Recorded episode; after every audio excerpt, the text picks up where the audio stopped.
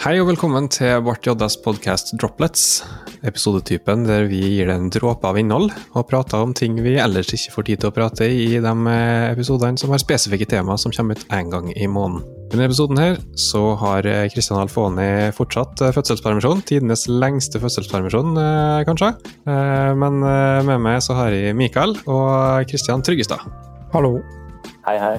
Nå har vi jo ei stund vært i ei tid som er trivelig. Sjøl har jeg blåst av alle mine feriedager på starten av året. Og har ikke hatt noen igjen til høsten, så jeg har sett veldig fram til den juleferien som vi nå, etter mine kalkulasjoner, skal være inne i. Og derfor tenkte jeg å prate litt om juletradisjoner i dag.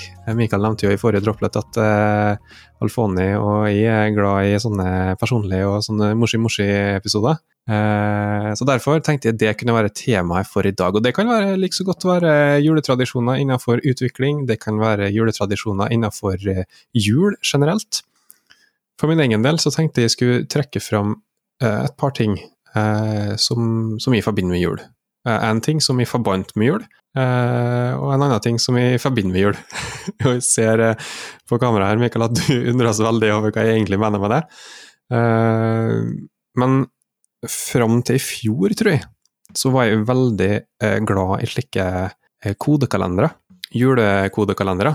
Som diverse bedrifter eller Ja, Kode24 har jo sin egen kalender, men det er flere av dem på internett. Og det som var min ja, store aktivitet var eh, Knowit sin eh, julekalender. Det syns jeg var veldig kjekt. En ny oppgave hver dag i forskjellig vanskelighetsgrad, som man da hadde ett døgn på å løse.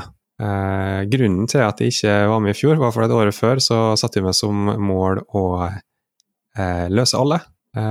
og flere av dem var forferdelig vanskelig som gjorde at uh, natta ble lang og dagen etterpå ble uh, slitsom. Uh, men fram til i fjor i hvert fall, så, så, var det noe jeg trivdes veldig godt med.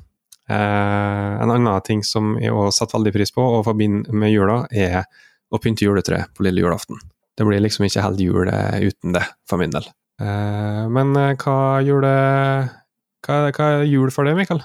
Jeg brukte det var en gang Jeg er ikke så glad i konkurranser, skal jeg være ærlig. I hvert fall ikke kodekonkurranser, for det får meg til å innse hvor dårlig er til å kode. Så jeg prøver å unngå dem så godt det lar seg gjøre. Men det var et, et punkt der, husker jeg det var før Knowit, det var før eh, Kode24 Det var den, den første kalenderen som jeg klarer å komme på, det var bloggen. Han eh, Åh, hva den heter Jeg husker ikke, men avtalen ved at eh, førstepremien var ofte NNUG Nei, og kjære vene, lenge siden konferanseverden at jeg klarer ikke å komme på det gang. Ikke Javasol, men uh, eh, NDC? NDC, takk. Ja. Loddevekk NDC-billett. Um, uh, og så var det mange som deltok, da. Så, som, uh, det var et år jeg kom på fjerdeplass der, der jeg implementerte ting som regel via med F-sharp eller nye programmeringsspråk. Scheme, for så vidt. Streama det av og til òg. Men uansett, det var artig. Men det var det mest liksom, kompetitive noen gang vært i hovedkonkurranse, og jeg merka at det var ikke noe for meg, for det var altfor alt for mye stress, som du sier òg. Men det jeg bruker å gjøre i juletida, uh, er å dra hjem til foreldre eller besteforeldre til ungene. Uh, og da handler det om å pakke bag. Og når du har to unger, uh, en er ganske liten som trenger vogn og sånne ting, så blir det trangt. Men lell så pakker pakker jeg liksom altfor mye. For at jeg pakker etter intensjoner i stedet for eh, det som er realistisk. Så jeg tar med meg gjerne kanskje fem eh, tegneserier. Altså da snakker jeg om collections. Så ikke mm. Det kan være for eksempel si Altså ikke nødvendigvis omnibusser, men eh, eh, samle-collections eller serier. Det kan være tjukkelse type Watchman eller Preacher eller sånn type ting, da. Mm. For dem som kjenner til eh, tegneserier. Um, og det tar det bare uordentlig plass, for de tar dem bare ned igjen, og så tar de med opp igjen. Uh, det jeg ofte ender opp med å gjøre, er å lese via paden, lese bøker. Uh, det syns jeg er kjekt. En annen ting som er helt på sida av utvikling i hele tatt, uh, det er å velge hva slags øl jeg skal til pinnkjøttet. det gir meg glede. Men det er jo sikkert veldig stas. da. Det er sikkert en uh, møysommelig prosess òg? Ja, det er det. Nå nettopp så var det seks flasker av uh, min favorittøl som kom til uh, Trondheim. For første gang jeg kan komme i hele tatt uh, til å komme på polet i Trondheim. Men jeg kan ikke love for fond.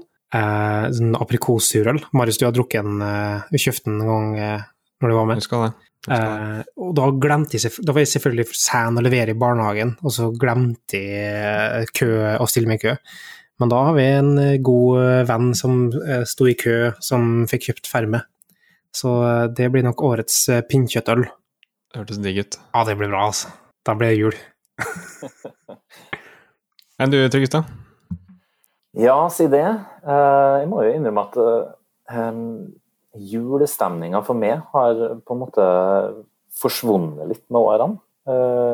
Jo eldre jeg blir, jo, jo, mindre julestemning føler jeg at jeg får. Uh, jeg bruker å legge litt skylda på at uh, jula starter tidligere og tidligere. Altså Det er juleprodukter i butikkene i september, føles det som. Så, men, men, hvis jeg skal på en måte trekke fram det som ingrediensene som må til for å få ei god jul, da, så er det egentlig å, å være sammen med, med, familien, altså storfamilien. Eh, og kunne dra hjem til Molde og feire der. Og høydepunktet er jo eh, Kanskje litt materialistisk, men høydepunktet er pakkeåpninga. ja, med oss.